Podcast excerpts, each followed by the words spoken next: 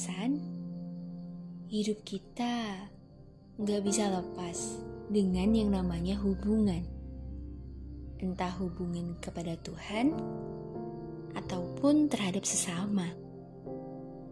Lalu, apa kabar dengan hubungan kalian? Khususnya dengan pasangan?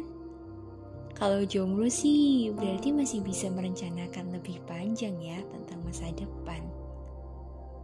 Tapi teruntuk kalian yang buru-buru mau jadian, mau ungkapin perasaan aja, eh taunya di ghosting duluan, ya kan? Awal mulanya hanya sebatas penasaran.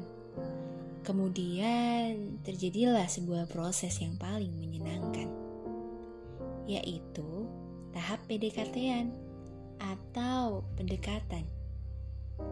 Berawal dari kenalan, saling ngobrol panjang, ketawa ketiwi, sampai asik pada akhirnya.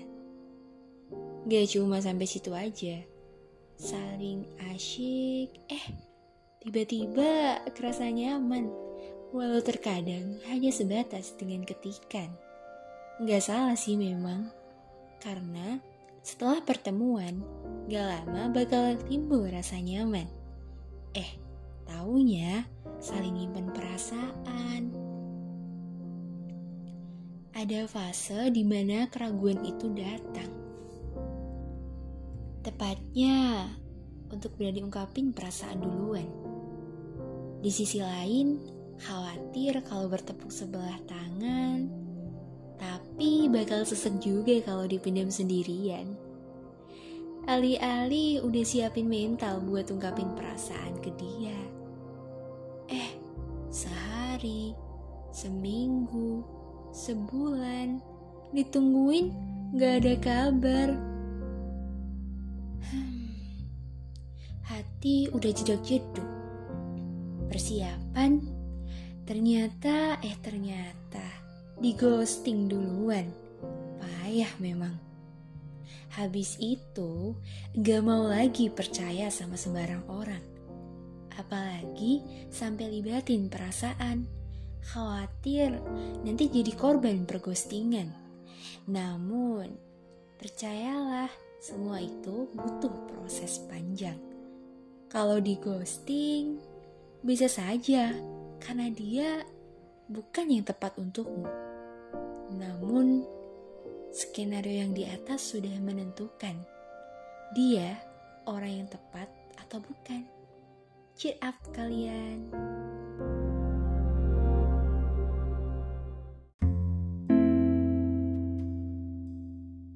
Hai kalian para pejuang perasaan, apa kabar kalian semua? Semoga selalu diberikan kesehatan ya. Oh iya, by the way, ini aku take-nya pagi-pagi karena emang baru padat banget sama tugas. Belum lagi lagi sibuk-sibuknya nyusun proposal skripsi. Aduh kan malah curhat gitu. Oke, okay. um, sebelum kita bahas lebih banyak lagi tentang sajak yang barusan dibacain, aku mau sedikit mengumumkan nih bahwasanya berdasarkan request yang aku terima kemarin banyak yang minta eh durasinya panjangin dong gitu. Dan akhirnya ya udah oke okay lah gitu. Gak ada salahnya untuk lebih panjang lagi. Toh biar yang dengerin juga lebih nyaman dan lebih betah kan gitu. Oke okay, para pejuang perasaan. Kalau kita bahas tentang perghostingan bukan suatu hal yang asing lagi kan buat kalian gitu. Fenomena perghostingan itu emang udah jadi hal yang sangat lumrah. Khususnya buat para remaja sih. Hmm, tapi kalian pernah gak sih ngalamin sendiri? Atau mungkin pernah dapat cerita dari teman kalian yang sempat kena ghosting? kita menyikapinya mungkin perghostingan itu sesuatu yang jelas-jelas negatif ya enggak sih apaan gitu? Udah sama-sama ngerasa nyaman. Eh nggak taunya dari salah satu pihak memutuskan buat diem-diem ninggalin gitu aja. Ngilang kayak hantu. Hmm, itu kenapa dinamain ghosting gitu? Karena bener-bener tiba-tiba ngilang gitu aja kan. Transparan tiba-tiba gitu. Gak bisa dilihat gitu. Dan di sini aku mau sedikit menjabarkan dari sudut pandang yang berbeda ya tentang perghostingan nih. Kalau opini aku gitu, um, kalian boleh setuju dengan opiniku ataupun tidak gitu. Tapi yang namanya perghostingan itu memang kejam sebenarnya.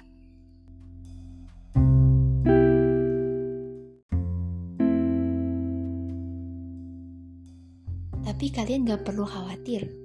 Seandainya kalian jadi korban ghosting, berarti kalian harus lebih berhati-hati lagi ketika dalam memilih teman.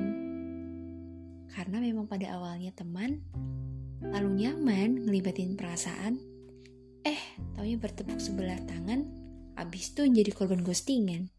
Kan sakit. Jadi untuk kalian, boleh nyaman, tapi tahu batasan. Agar kalian tidak terlalu sakit dan jatuh di jurang yang terlalu dalam gitu.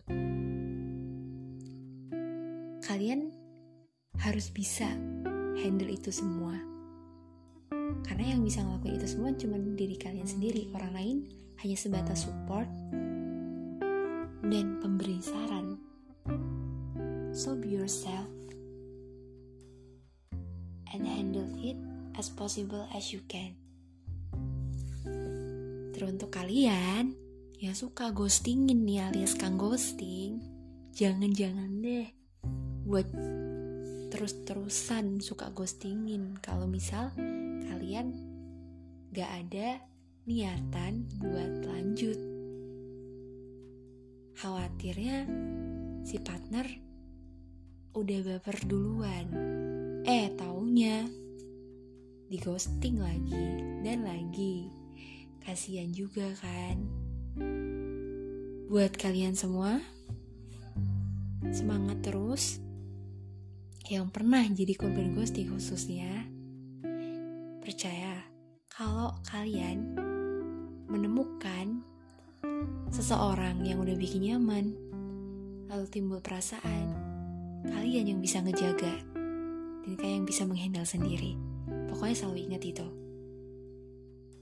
Dan usahakan jangan mudah untuk uh, termakan ya dengan omongan-omongan manis karena yang namanya nyaman itu sebenarnya jebakan. Jadi kalianlah yang memilih gitu. Semangat terus. Tetap jalani hari kalian dengan senyuman dan Aku dari podcast Pejuang Perasaan ngucapin makasih buat kalian yang udah setia ngedengerin podcast aku sampai detik ini. Dan jangan lupa ya untuk tunggu episode berikutnya.